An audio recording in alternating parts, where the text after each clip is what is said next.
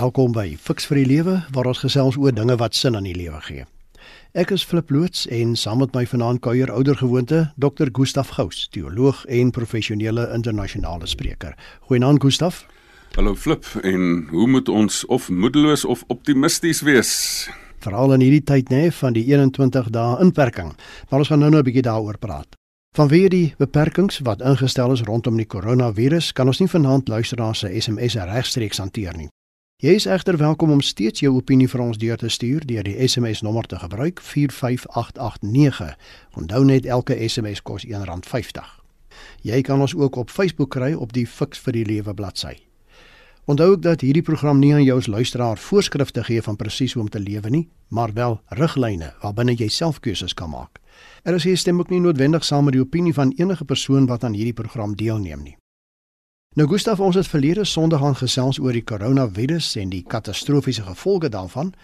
Intussen het president Ramaphosa 'n noodtoestand sowel as 'n totale lockdown of terwyl inperking aangekondig. Die vraag nou op almal se lippe is: wat nou gemaak? Hoe gaan ek oorleef? Hoe gaan ons met mekaar saamleef ook in hierdie tyd? Is dit dalk 'n godsdienstige teken dat die einde van die wêreld, so sommiges beweer, naby is? Fiks vir die lewe fokus vanaand hierop. Kom ons spring weg, Gustaf. Die regering het 'n noodtoestand rondom die COVID-19 virus aangekondig en daar is ook 'n totale inperking, lockdown ingestel.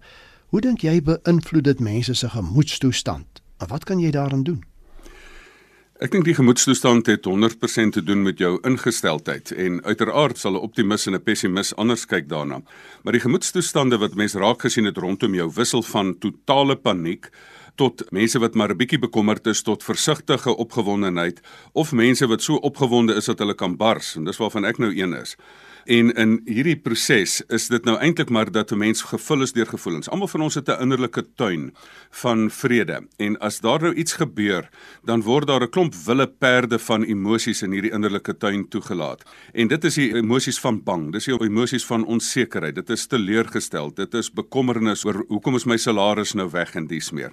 Dit is letterlik 'n kwessie van as jy die bang emosie het, dan kan 'n mens maar besluit jy gaan nou daaraan toegee of jy gaan die vrees in die gesig kyk. En as jy onseker is, kan jy nou maar in elke stukkie fake news kan jy jou ore uitleen of jy kan nou maar werk met die feite wat jy het en daarmee werk. En as jou toekoms in gevaar gestel is of opgeskeur is, dan kan 'n mens nou maar herbeplan.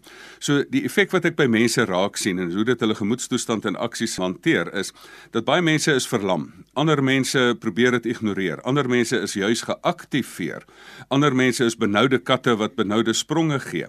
Die hele kwessie hier is, dit beïnvloed 'n mens se gemoedstoestand, maar soos 'n mens met enige gevoel het, kan jy daai gevoel soos 'n perd kan jy beheer neem van die perd. Die perd kan jy of afgooi of jy kan die perd se teels intrek en jy kan sê, maar ek kan my perde terughou en hierdie energie van wat nou losgekom het in hierdie situasie tot my voordeel vir my gebruik. Jy het nou so 'n paar woorde daar gebruik Gustaf, soos fake news en emosies en energie wat jy kan gebruik. Ek kom agter daar's mense wat beweer dat sommige mense ooreageer op die koronavirus, aangeblaas deur die media sê hulle en liewers oor ander goed met mekaar moet praat en minder aandag aan die virus moet gee. Stem jy saam? In 'n mate ja, en dis 'n baie belangrike punt wat jy noem. Uiteraard weet ons dat hierdie virus mense longe en jou hele respiratoriese stelsel kan aantas. Maar die groter gevaar is dat hierdie ding jou kop kan aantas, dat hierdie ding jou hele brein kan inneem en dat dit letterlik al is waaraan 'n mens kan dink. Ek dink die heel belangrikste is, kom ons kyk net, ons staar net die feite in die oë. Jy moet werk met die feite wat jy het. Hier is 'n probleem. Hier is 'n klein virusie wat proteïene is wat met gries of een of ander vetterigheid aan mekaar vasgehou word en seep los daai gries op en dan val dit uitmekaar uit, dan is hy stikkend. So die hele kern van die saak is hier is 'n klein bedreigingkie wat gevaarlik is wat 'n plek soek om te groei in jou liggaam, maar jy kan dit beheer deur dit nie oor te dra nie en deur dit jy sorg dat dit uit jou eie stelsel uitbly deur hande te was en nie aan jou gesig te raak nie. So 'n oomblik as jy dit weet, dan is dit omtrent al wat jy nodig het om te weet. Dan kry jy jou noodplan in plek. Met ander woorde, jy besluit, my noodplan is, dit is wat ek nou gaan doen en ek is nou in hierdie huis en dit is waar ek gaan oorleef vir die volgende 21 dae. Dan kry jy jou besigheidsplan in plek en jy sê maar goed, daar's allerlei hulp en allerlei maniere hoe 'n mens hierdie ding kan herstruktureer. Almal sit met hierdie probleem, so almal gaan begrip hê vir mekaar. En dan, na dit, dan gaan jy aan met jou lewe. Want weet jy, daar is ook 'n ander werklikheid wat ek raak sien. En dit is dat die groter gevaar is dat hierdie virus viraal deur die wêreld versprei, maar dat hierdie vrees dat hy dit in jou gedagtes viraal versprei en jou hele brein inneem. Ons moet hierdie ding nou onder oë kyk. Ons het nou ons planne in plek en dan gaan jy aan met jou lewe. En so terloops, daar's ook ander mense wat groter probleme het as hierdie virus wat op hierdie stadium sit en deur 'n morsige egskeiding gaan wat op hierdie stadium sit en met kanker worstel of met 'n trauma probeer verwerk of 'n verwoestende verslawing probeer hanteer of in huweliksgeweld sit. So kom ons kom tot 'n punt en sê hierdie is 'n werklikheid. Ons het 'n plan daarvoor en nou gaan ons aan met ons lewens en ons gaan kreatief hierdie tyd benut. Maar ek sien mense is maar baie versigtig, Gustaf, jy het ook nou nou daarna verwys. Tot hoe ver moet ek my nou aan almal om my onttrek as gevolg van die COVID-19 virus? Ons moet net eenvoudig die logika agter die storie verstaan. Die logika is as een persoon dit vir 4 persone gee en daardie 4 persone dit vir 16 persone gee en daardie 16 persone dit vir elkeen nog 4 persone gee, dan is dit by 64 en so gaan dit aan dat mense dit so versprei, dan versprei hierdie ding soos 'n veldbrand deur die wêreld. Die logika agter die ding is probeer so min as moontlik kontak met mense hê en ek praat nie van emosionele kontak nie. Hulle praat van emotional distancing. Ek stem nie saam daarmee nie. Hou jou fisiese afstand, maar moenie emosioneel onttrek nie.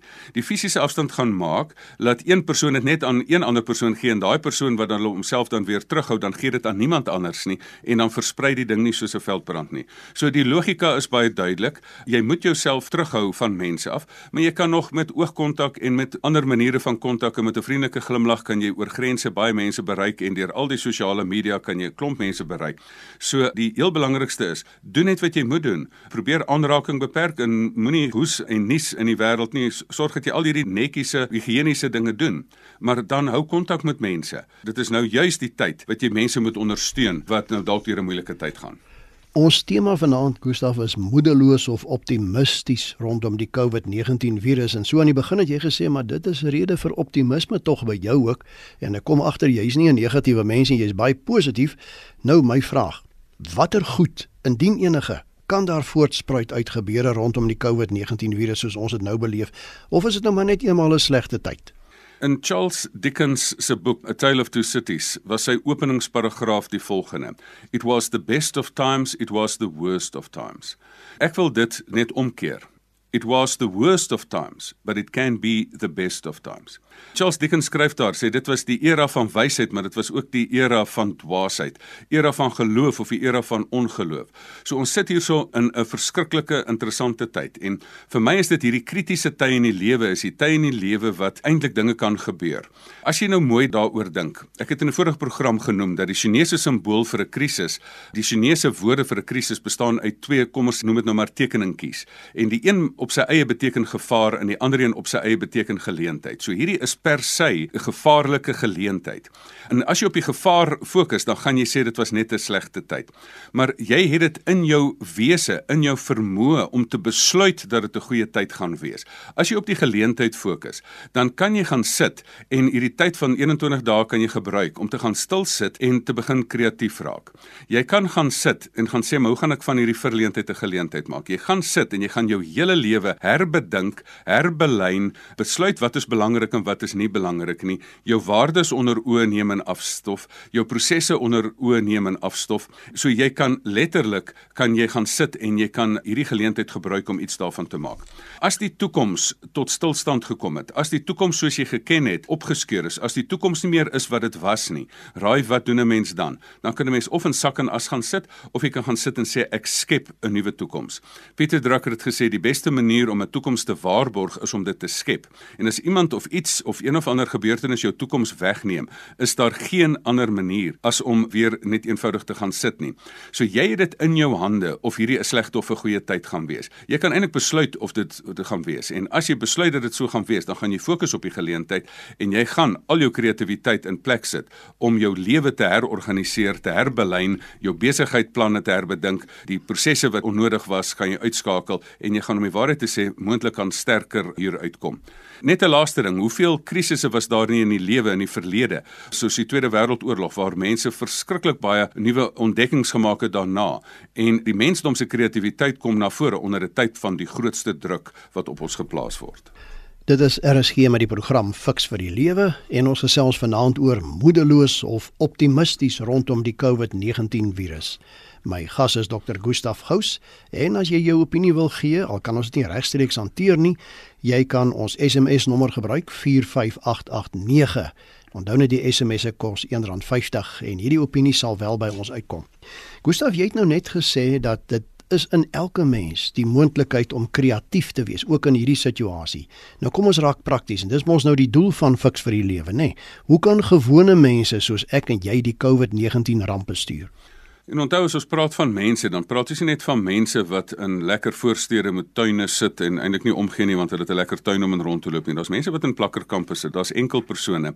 Daar's mense wat in baie moeilike situasies sit. Daar's ouer mense, daar's mense wat in hospitale lê op hierdie stadium. Dit is nie maklik nie. So die enigste manier hoe mens dit kan bestuur, is jy moet dit in jou kop bestuur, jy moet dit in jou verhouding bestuur, jy moet dit in jou bankrekening bestuur en dan moet jy dit letterlik in jou eie huis bestuur. So dit begin in jou kop. Jy moet hierdie ding sê van dit is nie aldag dat die lewe vir jou 'n 21 dae tydperk gee nie. Almal sê vir ons ons wil daardie kom ons stop nou die wêreld knoppie druk, die pause button druk wil mense nou sê.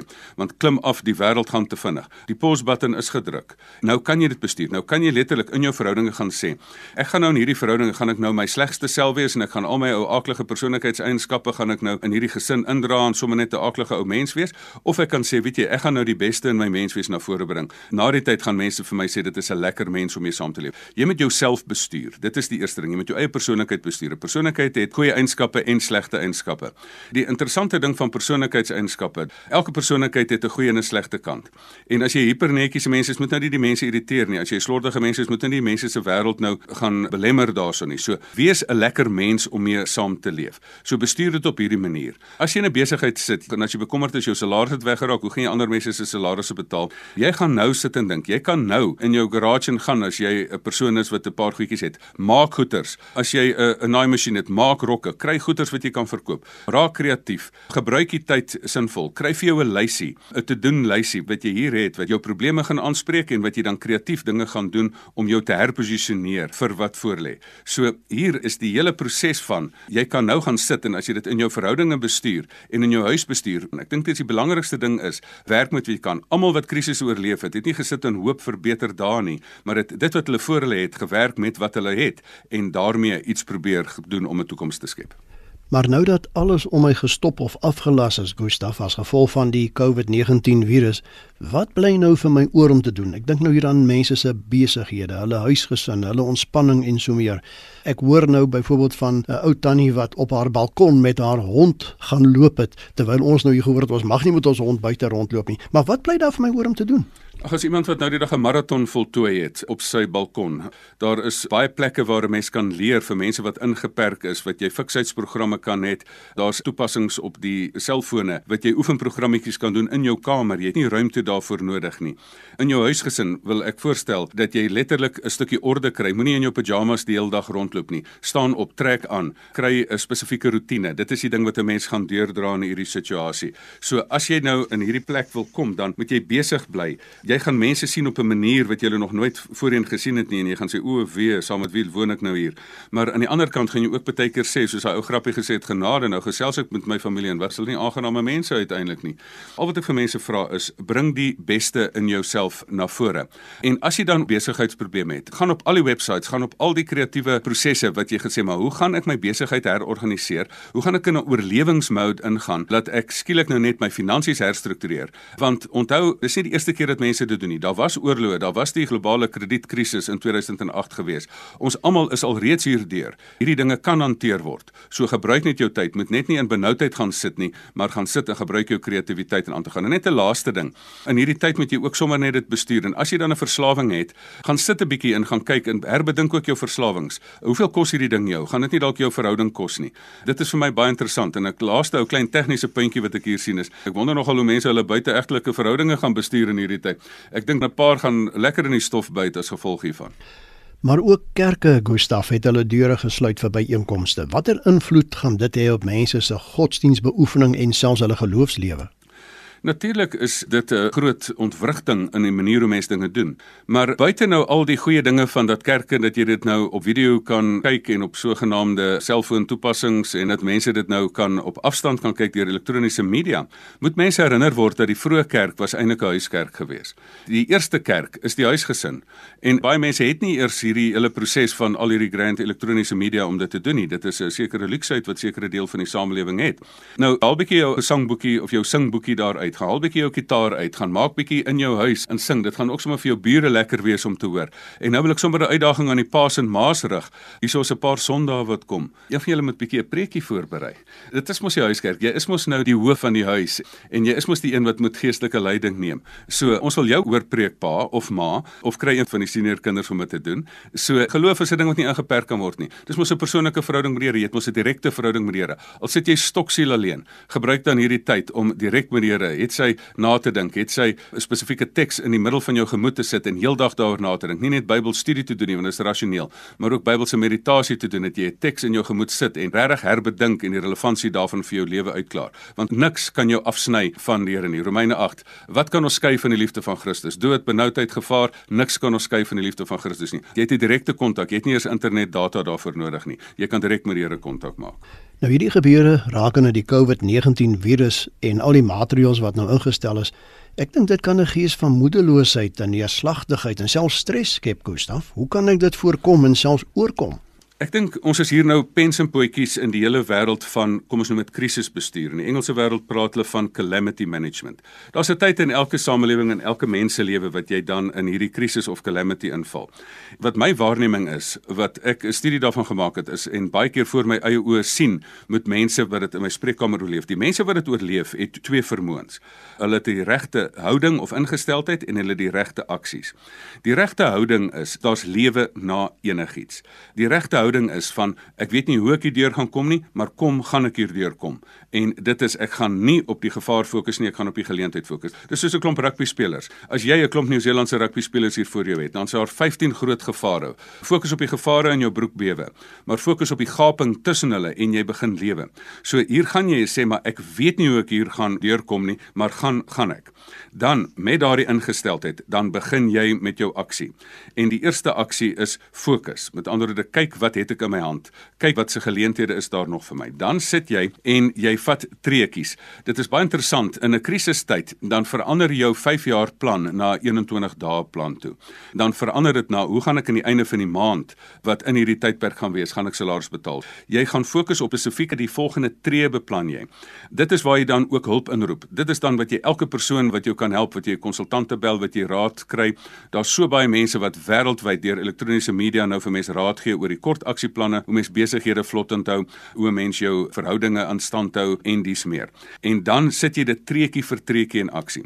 Ek wil herhaal, daar's geen krisis wat vir ewig aanhou nie. Daar's geen storm wat nog altyd aangehou het nie. Daar's geen donderstorm wat nie een of ander tyd geëindig het nie. So posisioneer jouself net, gaan in oorlewingsstyl in en weet as jy oorleef het, kan jy na die tyd weer herleef.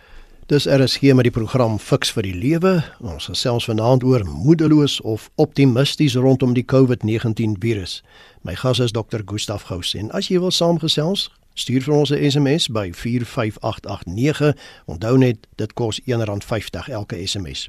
Gustaf, daar's mense uit verskillende geloofsgroepe wat aanvoer dat die koronavirus of die COVID-19 virus en alles wat wêreldwyd gebeur rakende die sterftes, die ekonomiese ineenstorting, die totale afsondering, ag ons kan dit opnoem, nê, nee, lang lys, 'n teken is dat die wêreld se einde naby is. Hoe moet ons hierop reageer? Flip, die probleem wat mense wat ek raak sien hierdie tyd is dis nie dat mense nie wil glo nie, dit is mense dat hulle glo enigiets wat hulle wil hoor. Die Engelse woord daarvoor is gullible. Die belangrikste ding wat ons hier vir mekaar moet sê is, jy weet nie, goeie teologie is Jy moet weet dat jy nie weet wanneer die einde is nie. Dit is wat die Bybel tog sê. So die einde kom wanneer dit kom en jy gaan dit nie kan spesifiek voorspel nie. Daar's hoeveel mense wat al op die neus gekyk het wat met vorige krisisse dit voorspel het in, in 1919 tydens die Eerste en die Tweede Wêreldoorlog het almal gesê die einde van die wêreld is naby. Rondom die jaar 2000 het almal gesê dit is die Y2K die wêreld gaan eindig. 2012 het almal gesê want die Maya kalender is nou daar geëindig. Die wêreld gaan nou eindig en het groot teologie daarvan gemaak. Weet net jy weet nie wanneer die einde is nie. Bekommer jou oor jou eie einde. Die enigste ding wat hierdie ding jou kan aan laat herinner is dat daar krisisse is dat die dood 'n werklikheid is. Eintlik moes jy dit al lankal geweet het. Maar al wat jy nou moet doen is bekommer jou nie oor die wêreld se einde nie, bekommer oor jou, jou einde wanneer jy eendag gaan doodgaan. Kan jy nou sterf? Het jy nou vrede met die Here gemaak? Het jy vrede met die mense rondom jou gemaak? Het jy vrede met jouself gemaak? Bekommer jou eerder daaroor en gebruik hierdie geleentheid as 'n wekroep om jou verhouding met die Here reg te kry met mense rondom jou en met jouself. Jy het daarna verwys Gustaf, die grootste vrees uiteraard rakende die COVID-19 virus is die vrees dat 'n mens daarin sal sterf, die vrees vir die dood. Op watter manier of maniere kan ons hierdie vrees aanspreek? En ek dink dit is die heel belangrikste van die ding. Die rede hoekom mense in paniek verval was omdat hulle nie die basiese vrae geantwoord het nie. Ek het dit al meermale gesê. Ek, ek sê altyd jy het nie begin lewe as jy nog nie vrede gemaak het met die feit van jou dood nie. So kom ons kyk nou hierdie ding in die oë. Vang nou vir eenmaal skrik en vang nou vir eens en vir altyd skrik. Die COVID virus het maar 'n 2% kans dat die ding jou kan doodmaak. Die lewe het jy 'n 100% kans dat jy kan doodgaan. So jy kan enige tyd doodgaan. Jy kan van motorongelukke doodgaan. Daar's 27 ander virusse waaraan jy kan sterf. Daar is malaria muskiete, daar is geweldige aklige gewere. Daar's mense wat misdadigers is. So daar's so baie ander maniere. So kyk die feit van die dood in die oë. En dan weet jy, maar as ek weet ek gaan doodgaan, dan sit jy twee goeters in plek. Dan begin jy lewe asof ek môre gaan sterf en jy beplan asof jy vir 'n baie lang tyd gaan leef. En as jy lewe asof jy môre gaan sterf, dan leef jy intens, jy leef doelmatig of intentioneel en jy begin lewe dan asof jy die vrees vir die dood verloor het. En dit is wat ek dan vir mense wil sê, wat hulle weet hulle kan doodgaan, hulle rig hulle lewe so in, hulle leef planmatig, hulle mors nie tyd nie. Hulle sê die lewe is te kort vir slegte goeders om te doen en daarom leef hulle netjies, mooi en intentioneel en bereik goeders in die lewe. En as jy dan eendag sterf, dan is daar minstens iets wat mense op jou begrafnis kan sê. So kom tot 'n vergelyk met jou dood. Jy begin eers lewe as jy jou vrees vir die dood verloor het. En hierdie is nou die tyd om dit in die oë te kyk. En as jy weet die dood is 'n poort en die Here sê maar die dood is nie eers die finale woord nie, as jy 'n gelowige is, dan weet jy ag die dood het glad nie 'n angel nie. Wat sê Paulus? Dood, waar is jou angel? Die Here het opgestaan. Daar's lewe na enigiets, na die koronavirus tydperk en sommer selfs na die dood. Maar veral lê klem op lewe voor die dood. Want as jy met jou dood tot 'n vergelyk gekom het, dan begin jy ook lewe voor die dood. Gustav, daar is so baie dinge wat op die ys geplaas word. Mense se werksomstandighede, troues, kuiertjies bymekaar, sportbyeenkomste, kerkbywoning en so meer. Hoe moontlik is dit om steeds positief te glo in 'n normale toekoms iewers vorentoe? Ja, ek sit baie keer en ek dink nie altyd aan 'n normale toekoms nie. Ek dink aan 'n nuwe en 'n beter toekoms. Ons sit altyd in ons wonder oor wanneer gaan hierdie ding nou oorwaai? Soos ek gesê het, daar's na elke oorlog vrede, na elke donderstorm kom die son weer uit.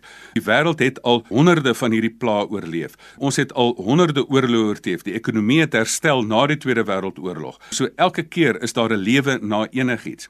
Sit en maak jou kreatiewe plan en hou jou klein huwelikie as daar nog tyd was, maar dan gaan jy net aan en jy besef maar hierna gaan dinge weer positief positief wees. Ek wil daarop klem lê. In hierdie tyd, as jy jou beste self na vore bring, as jy hierdie tyd met struktuur gebruik, as jy jou plannetjies in plek kry, as jy jou doelwitte kry om na 21 dae iets te hê om te wys, dan gaan jy nie in die malhuis of in die egskeidingshof gaan jy land nie. Moet nou nie net gaan sit en jou akligste mens wees vir mense gee nie. Gee jou beste mens wees daar, kry jou dissiplines in plek, herbedink jou lewe, dan gaan jy na hierdie 21 dae 'n fantastiese gevoel hê want jy gaan iets sê om te wys 'n nuwe plan vir 'n nuwe toekoms wat anders gaan wees as die verlede. Kom ons vat vanaand saam Gustaf. Tot hoe ver moet die koronavirus my baas wees of andersom? Corona beteken kroon. Die finale kroon glo ek behoort aan die Here en die Here is daar met jou in elke omstandigheid. Hy's met jou in jou alleenheid, hy's daar vir jou en hy sal jou help om met sy kreatiewe skeppergees deur hierdie ding te kom. So die corona is 'n ou klein ou flimsy virusie wat oorwin kan word as jy die regte dinge doen, maar die ware oorwinning lê in die Here wat jou bemagtig om hierdie tyd positief te benut sodat jy beter af gaan wees na die tyd en nie slegter af nie. Dit dan allen vanaand se fiks vir die lewe. Baie dankie vir jou as luisteraars se saamkuier en ook 'n groot dankie aan my gas Dr. Gustaf Gous vir sy bydraes. Nou volgende Sondag aand gesels ons oor verhoudingsprobleme en hoe om daardie klein vierkante metertjies waarin ons nou afgeperk is te kan hanteer met mekaar. En ons nooi jou hartlik uit. Stuur jou vrae of kommentaar aan ons by een van die volgende e-posadresse wat ons nou gaan noem of jy kan ons SMS nommer gebruik 45889 want dit sal ook by ons uitkom. Elke SMS kos R1.50, onthou dit net. Nou Gustaf, gee vir ons net jou kontakinligting vir die luisteraars wat met jou wil kontak maak. Asseblief, um gustaf@gustafgous.co.za en dit gaan lekker wees om te hoor van hoe wat se verhoudingskrisis het hy op en wat kan hoe kan ons help om dit te hanteer. Inderdaad, in my kontakinligting flip FLEP by Media Focus M E D I A F O C U S.co.za. Onthou ook dat jy na hierdie program op RSG se pot gooi kan gaan luister by RSG se werf. Tot ons weer saamkuier volgende Sondag van my en Dr. Gustaf, alles wat mooi is. Totsiens.